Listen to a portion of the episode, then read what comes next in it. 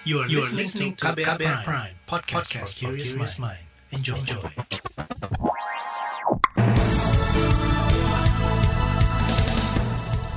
Selamat pagi saudara, senang sekali kami bisa menjumpai Anda kembali melalui program Buletin Pagi edisi Jumat 16 April 2021 bersama saya Sindu Darmawan. Sejumlah informasi pilihan telah kami siapkan di antaranya pemerintah kurangi jatah subsidi listrik. Pemerintah kaji kemungkinan gelar sepak bola dengan penonton. Aceh larang warganya bermain game online selama Ramadan. Inilah Buletin Pagi selengkapnya. Terbaru di Buletin Pagi. Saudara PT Perusahaan Listrik Negara PLN menyatakan bakal ada penghentian fasilitas listrik gratis untuk golongan rumah tangga 450 volt ampere dan pemotongan besaran nilai subsidi pada golongan lainnya. PLN mencatat sejak April tahun lalu, program subsidi listrik telah menyasar 32 juta pelanggan dengan anggaran 13 triliun rupiah. Hal tersebut diungkapkan Wakil Presiden Eksekutif Tarif dan Subsidi PT PLN, Tohari Hadiat, Kamis kemarin. Kemudian pelanggan 900 yang tadinya bayar 50 sen menjadi 25 persen diskonnya, bayarnya 75 persen. Kemudian tadinya pelanggan-pelanggan yang mendapat keringanan di rekening minimum biaya beban, sekarang diberikan bantuan 50 persen dari yang kemarin diberikan keringanan.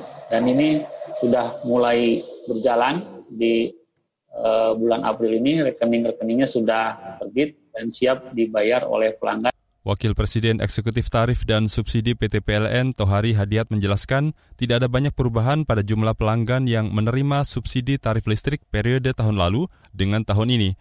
PT PLN mengklaim telah mensinkronisasikan penerima subsidi dengan data milik Kementerian Sosial. Selain itu, PLN juga telah mengelompokkan pengguna listrik dengan sejumlah golongan, semisal rumah tangga, industri, bisnis, sosial, dan pemerintah. Kementerian Energi dan Sumber Daya Mineral ESDM meminta masyarakat memahami perbedaan mekanisme pemberian stimulus dari pemerintah.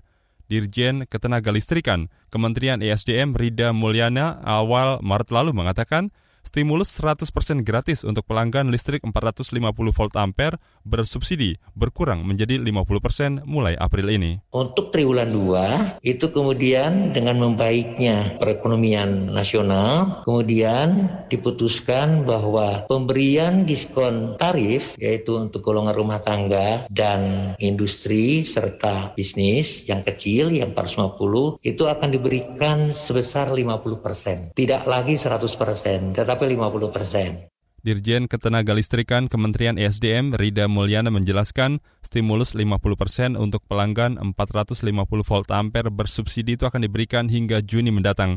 Kementerian SDM akan memperbaiki data penerima stimulus bantuan listrik 100% untuk pelanggan dengan daya 450 volt ampere bersubsidi. Sebab jika mengacu data di Kementerian Sosial, dari 24 juta lebih pelanggan 450 volt ampere, sekira 15 juta di antaranya seharusnya dikeluarkan dari daftar penerima. Ia menegaskan, stimulus tarif tenaga listrik dari pemerintah bersifat sementara, bukan bantuan permanen. Anggota DPR bidang energi dan kelistrikan Edi Suparno mendorong pemerintah mengkaji ulang dan mengevaluasi penghentian stimulus gratis bagi pelanggan listrik 450 volt ampere. Ia menyadari penyesuaian stimulus dilakukan guna mengarung, mengurangi beban negara. Namun pemerintah harus menyesuaikan dengan kondisi masyarakat saat ini yang masih dalam masa pemulihan ekonomi akibat terdampak pandemi COVID-19 kebijakan ini sesungguhnya kalau memang bisa direvisi tentu. Dan kami tentu dalam uh, rapat dengan pendapat dengan Kementerian SDM ya tentu akan kami uh, dorong ya. Karena banyak di antara masyarakat yang saat ini masih membutuhkan itu menyampaikan aspirasinya melalui anggota-anggota DPR khususnya kami yang di Komisi 7 ya. Sehingga yang kami sampaikan dan kami dengar dan kami apa utarakan di dalam rapat dengan pendapat itu adalah sungguh-sungguh merupakan aspirasi dan suara masyarakat yang kami dengar. Anggota DPR bidang bidang energi dan kelistrikan Edi Suparno khawatir pemotongan atau pencabutan stimulus akan membebani masyarakat. Selain itu, Edi juga menolak rencana kenaikan tarif mulai Juli mendatang. Menurutnya, kenaikan tarif listrik belum tepat dilakukan sekarang. Saat ini, Kementerian Energi dan Sumber Daya Mineral (ISDM) menggodok rencana kenaikan tarif mulai Juli. Ada lima skenario baru tarif listrik baru yang akan diterapkan. Antara lain, tarif listrik tidak naik, kedua, penghapusan kompensasi 100 persen. Saudara, pemerintah Provinsi Jawa Tengah menjadi salah satu provinsi dengan penerima bantuan subsidi listrik terbanyak se-Indonesia. Kepala Bidang Ketenaga Listrikan Dinas ESDM Jawa Tengah, Imam Nugraha Heru Santosa mengatakan bakal memprioritaskan bantuan tarif subsidi listrik terhadap 4 juta kepala keluarga atau 11 persen warga yang hidup di bawah garis kemiskinan selama pandemi COVID-19. Kami dari sisi pemerintah tentu saja agar supaya kegiatan stimulus ini tepat sasaran. Yang paling paling penting adalah di berbagai datanya, data warga miskin. Nah, kami di ranah untuk uh, menentukan kebijakan untuk menentukan sesuai dengan kondisi lapangan. Nah, setiap setiap saat dedikasi ini kita selalu perbarui, perbarui kita updating. Jadi uh, tiga bulan itu selalu ada update data yang sifatnya adalah untuk memperbaiki kita. Uh, warga yang benar-benar uh, rentan, miskin dan terdampak itu mendapatkan program dari uh, stimulus PLN itu. Kepala Bidang Ketenaga Listrikan Dinas SDM Jawa Tengah Imam Nugraha menambahkan, ke depan Dinas SDM Jateng akan menimbang ulang besaran tarif subsidi listrik. Dia juga telah menginstruksikan perangkat desa menyosialisasikan tarif listrik rumah tangga 450 volt ampere yang kini tidak lagi gratis alias dipangkas 50% dari tagihan di rekening. Saudara pengamat ekonomi energi dari Universitas Gajah Mada, Yogyakarta, Fami Radi mendorong pemerintah menyelesaikan sengkarut masalah data penerima subsidi listrik agar transparan dan akuntabel. Pak kata Fami, pemerintah perlu melakukan pemadanan data penerima program bantuan COVID-19 antar kementerian dan lembaga. Siapa yang layak untuk memperoleh subsidi tadi itu adalah data itu ya Nah, kelemahan data itu, itu ada data dari Kemensos, data dari PLN, data dari kantor ke, uh, wakil presiden, yang itu kadang-kadang berbeda-beda gitu ya. Yang itu digunakan dalam pengambilan keputusan tadi. Nah, sehingga di lapangan itu sering kali terjadi gitu ya. Yang mestinya dia berhak menerima subsidi, tetapi kemudian dikeluarkan. Atau sebaliknya, Pengamat ekonomi energi dari UGM Yogyakarta, Fahmi Radi menilai kebijakan memangkas subsidi listrik gratis bagi pelanggan 450 volt ampere merupakan hal kontraproduktif dan harus dilakukan perlahan untuk menghemat pengeluaran negara. Menurutnya, waktu yang tepat untuk mencabut subsidi listrik gratis bagi pelanggan 450 volt ampere adalah saat pertumbuhan ekonomi telah mencapai 5 persen per tahun. Saudara, Satgas buka peluang tempuh jalur pidana usut kasus BLBI. Informasinya akan hadir usai jeda. Tetaplah di Buletin Pagi KBR. You're listening to KBR Pride, podcast for curious mind. Enjoy!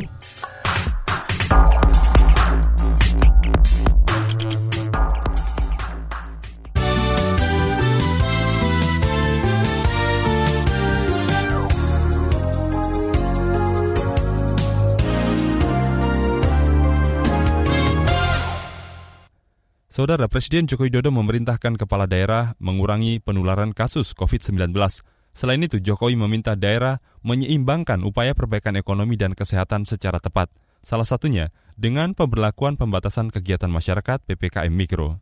Gas dan remnya harus dilakukan secara tepat. Karena yang namanya COVID ini barangnya tidak kelihatan Jangan sampai terlalu mendahulukan ekonomi, kemudian tidak memperhatikan penyebaran COVID yang terjadi, kenaikan kasus COVID meningkat, ekonominya justru menjadi pertumbuhannya tertekan turun. Oleh sebab itu, pencegahan penyebaran COVID harus menjadi prioritas Presiden Jokowi menyerukan agar daerah tidak terburu-buru membuka semua sektor jika kurva kasus mulai melandai.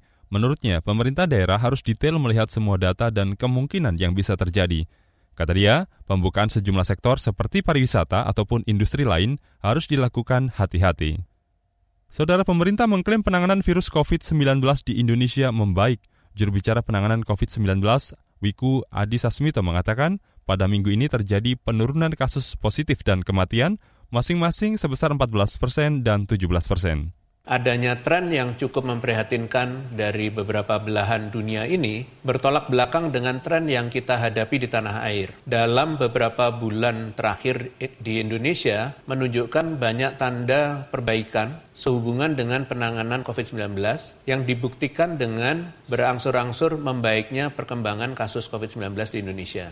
Namun menurut Wiku, zona merah atau risiko tinggi dan zona oranye COVID-19 meningkat data Satgas Penanganan COVID-19 per 11 April 2021, ada 11 kabupaten kota di Indonesia yang masuk ke zona merah.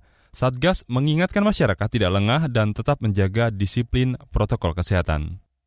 Kita beralih ke informasi lain. Satuan Tugas Penanganan Hak Tagih Negara dan Bantuan Likuiditas Bank Indonesia BLBI membuka peluang menempuh jalur pidana di pengusutan kasus tersebut.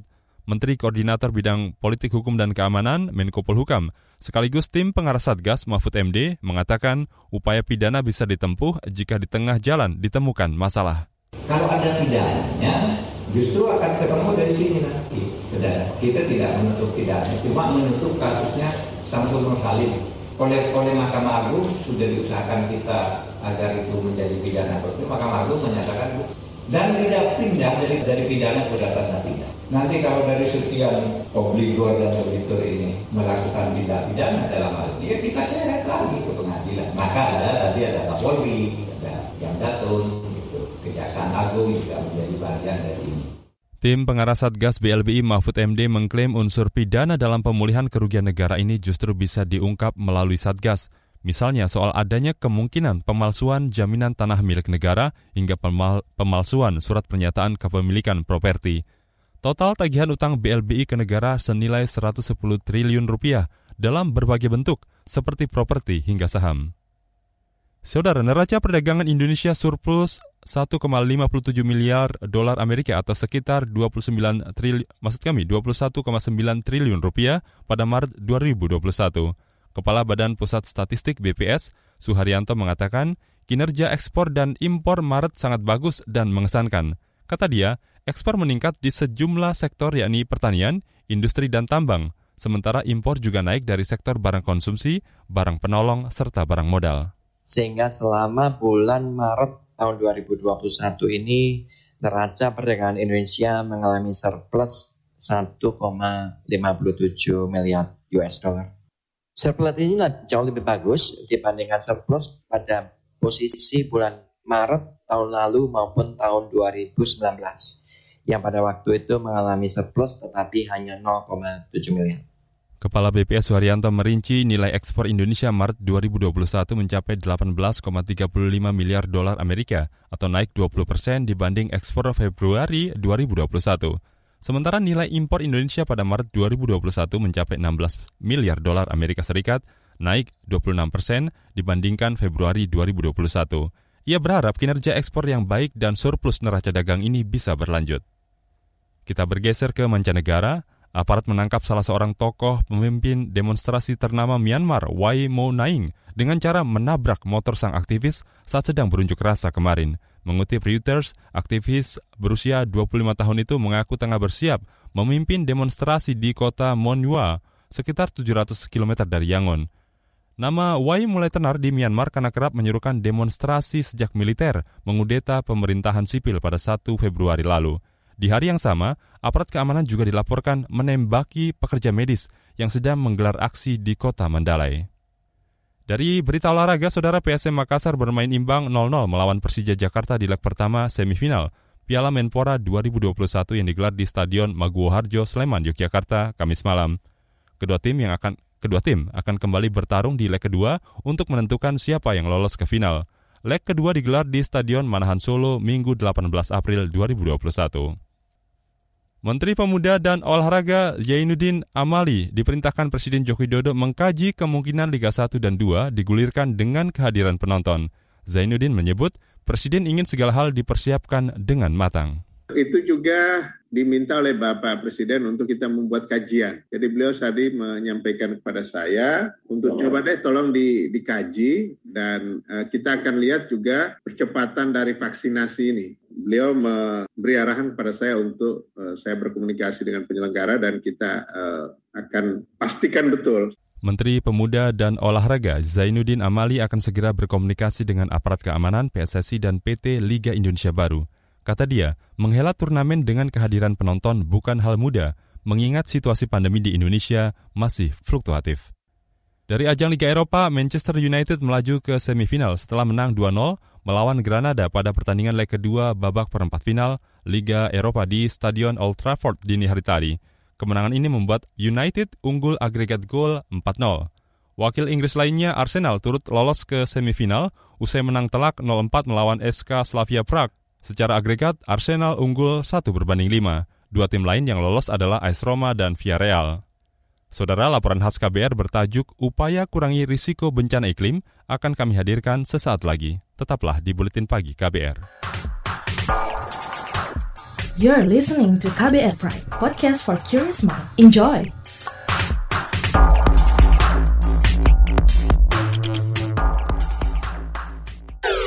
Commercial break.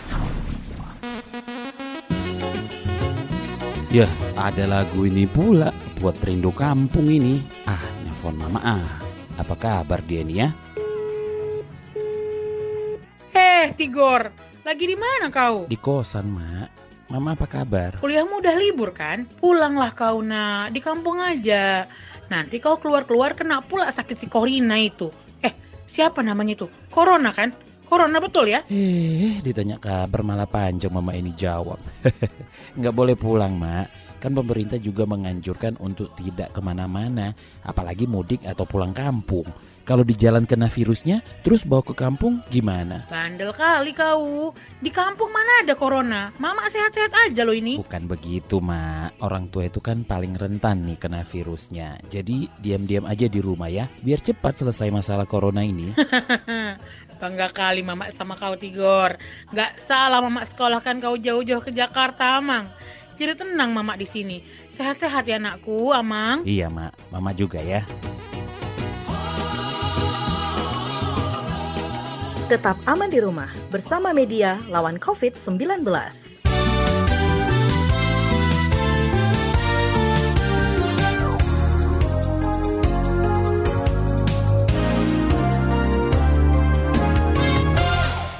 Anda masih bersama kami di Buletin Pagi KBR. Saudara, perubahan iklim semakin terlihat nyata dengan meningkatnya kejadian bencana hidrometeorologi seperti banjir dan longsor. Sejumlah daerah di Indonesia masuk kategori rawan bencana. Upaya pencegahan dan kesiapsiagaan tinggi sangat dibutuhkan agar bencana tak menelan banyak korban. Berikut laporan yang disusun jurnalis KBR Astri Septiani. Ini ternyata cukup mengagetkan kita semua karena dari 70 hampir 75 ribu desa yang ada di Indonesia saat, saat ini, 53 ribu desa atau kelurahan berada di daerah rawan bencana. Seperti contohnya, ada 5.744 desa yang ada di daerah rawan tsunami. Kemudian di daerah rawan longsor ada 34.716 desa dan seterusnya. Itu adalah Deputi Bidang Pencegahan Badan Nasional Penanggulangan Bencana atau BNPB Lili Kurniawan. Ia menjelaskan tentang potensi rawan bencana di sejumlah daerah di Indonesia. Untuk meminimalisir dampak bencana, BNPB menggandeng masyarakat untuk lebih dini mengantisipasi bencana. Kolaborasi itu diwujudkan dalam gerakan pengurangan risiko bencana. Kata dia, gerakan tersebut berbasis komunitas dan beranggotakan masyarakat. Dalam gerakan ini ada tiga sekolah yang bisa diikuti, yakni sekolah laut, sungai, dan gunung. Setiap sekolah memiliki sejumlah modul yang diajarkan oleh fasilitator yang mengajarkan cara menjaga lingkungan untuk mengurangi risiko bencana. Hasilnya ada sekian banyak pohon yang ditanam, mangrove, kemudian penggiat sungai dengan cara membersihkan sungai dan sebagainya. Kemudian masyarakat yang terlibat sudah, sudah sampai 54 ribu. Kemudian kita juga punya WA group, waktu itu baru 59, sekarang sudah lebih dari 300 saya kira kemudian melibatkan 14 uh, dunia usaha. Beberapa hari lalu, Badan Meteorologi, Klimatologi, dan Geofisika atau BMKG juga melaporkan akan muncul bibit siklon tropis 94W di Samudra Pasifik dan Timur Laut Papua. Bibit siklon itu disebut berpotensi membuat hujan lebat hingga sangat lebat disertai angin kencang dan gelombang tinggi yang akan terjadi 13 hingga 19 April 2021. BMKG meminta pemerintah daerah meningkatkan kewaspadaan terhadap potensi cuaca ekstrim seperti puting beliung, hujan lebat disertai kilat atau petir, dan hujan es yang berpotensi menjadi bencana hidrometeorologi. Sejumlah daerah menyatakan mulai melakukan antisipasi menghadapi bibit siklon tropis 94W yang berpotensi menimbulkan bencana alam akibat cuaca ekstrim. Salah satunya Provinsi Kalimantan Barat. Kepala Bidang Pencegahan BPBD Provinsi Kalimantan Barat, Judan, mengatakan telah menyurati masing-masing BPBD kabupaten kota untuk memantau wilayah yang berpotensi terjadi bencana. Menyampaikan peringatan dini ke setiap BPBD Kabupaten Kota. Kami mengadakan koordinasi-koordinasi dengan instansi-instansi yang terkait di Kalimantan Barat ini dan menghadapi ini supaya nanti untuk kita mengantisipasi kalau terjadi hal-hal yang tidak kita inginkan. Jadi para pemangku wewenang ini bisa mengambil langkah-langkah. Hal yang sama disampaikan Kepala Bidang Kedaruratan dan Logistik BPBD Sulawesi Selatan, Andi Ishak. Kata dia, BPBD telah mengingatkan masyarakat yang bermukim di wilayah rawan banjir untuk mewaspadai kemungkinan bencana akibat cuaca ekstrim yang diakibatkan bibit siklon tropis informasi dari BMKG wilayah 4 Makassar terkait dengan itu. Nah, itu terus kita lakukan koordinasi dengan BPBD Kabupaten Kota Sulawesi Selatan. Terutama kan kita sudah bersurat juga terutama masyarakat-masyarakat yang tinggal di sekitar uh, bantaran sungai ya untuk tetap selalu waspada dalam rangka mengantisipasi uh, bencana kalau ada bencana datang. Sementara itu, Ketua Platform Nasional Pengurangan Risiko Bencana Indonesia atau Planas PRB Ninil Jannah meminta agar konsep adaptasi perubahan iklim atau API dan pengurangan risiko bencana dikonvergensikan.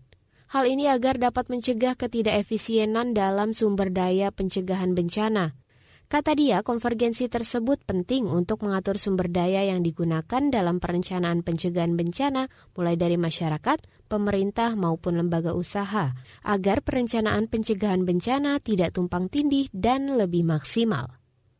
Pemerintah melakukan hal yang sama, misalnya, dan e, BNPB melakukan hal yang sama, KLHK melakukan hal yang sama, terus kemudian misalnya Planas melakukan hal yang sama, kemudian sekretariat dan api ya kalau nggak salah. Kemudian juga melakukan hal, hal yang sama tetapi tidak berkoordinasi. Sehingga misalnya terjadi pengulangan-pengulangan ada yang sama-sama riset soal metodologi sama-sama bikin peta duitnya sama-sama dari APBN tetapi dua dilakukan secara terpisah. Jadi kita ingin konvergensi itu kemudian mencegah adanya uh, ketidakefisienan dalam hal uh, resources Demikian laporan khas KBR, saya Astri Septiani.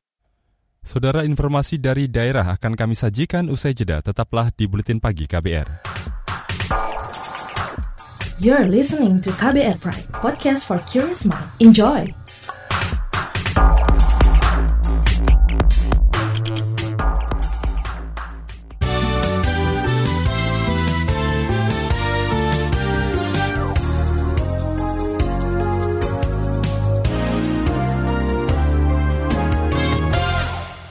Inilah bagian akhir buletin pagi KBR. Saudara kita ke Jawa Tengah, Rumah Sakit Karyadi Kota Semarang menyatakan tak lagi dilibatkan dalam pengembangan vaksin Nusantara yang digagas bekas Menteri Kesehatan Terawan Agus Putranto.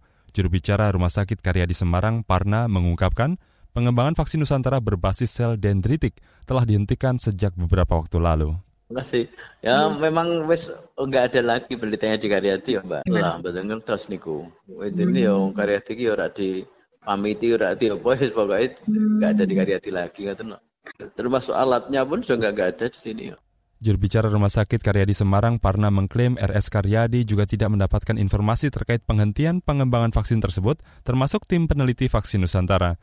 Sebelumnya RS Karyadi Semarang bekerja sama dalam pengembangan vaksin Nusantara oleh Aivita, Aivita Biomedical dari Amerika bersama Universitas Diponegoro Semarang.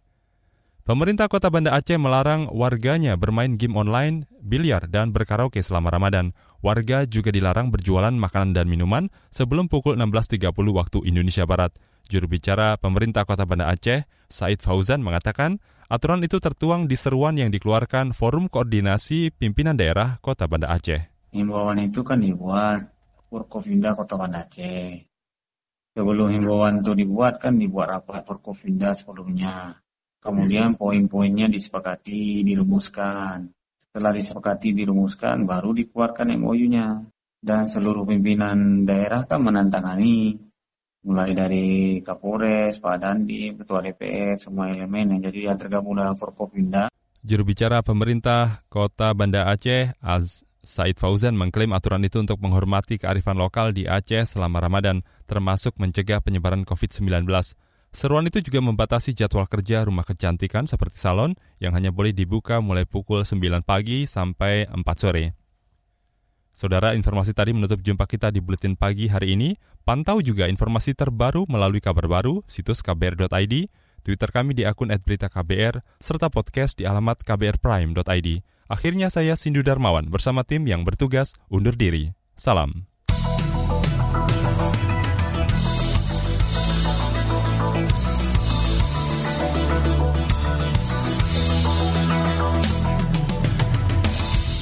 KBR Prime, cara asik mendengar berita.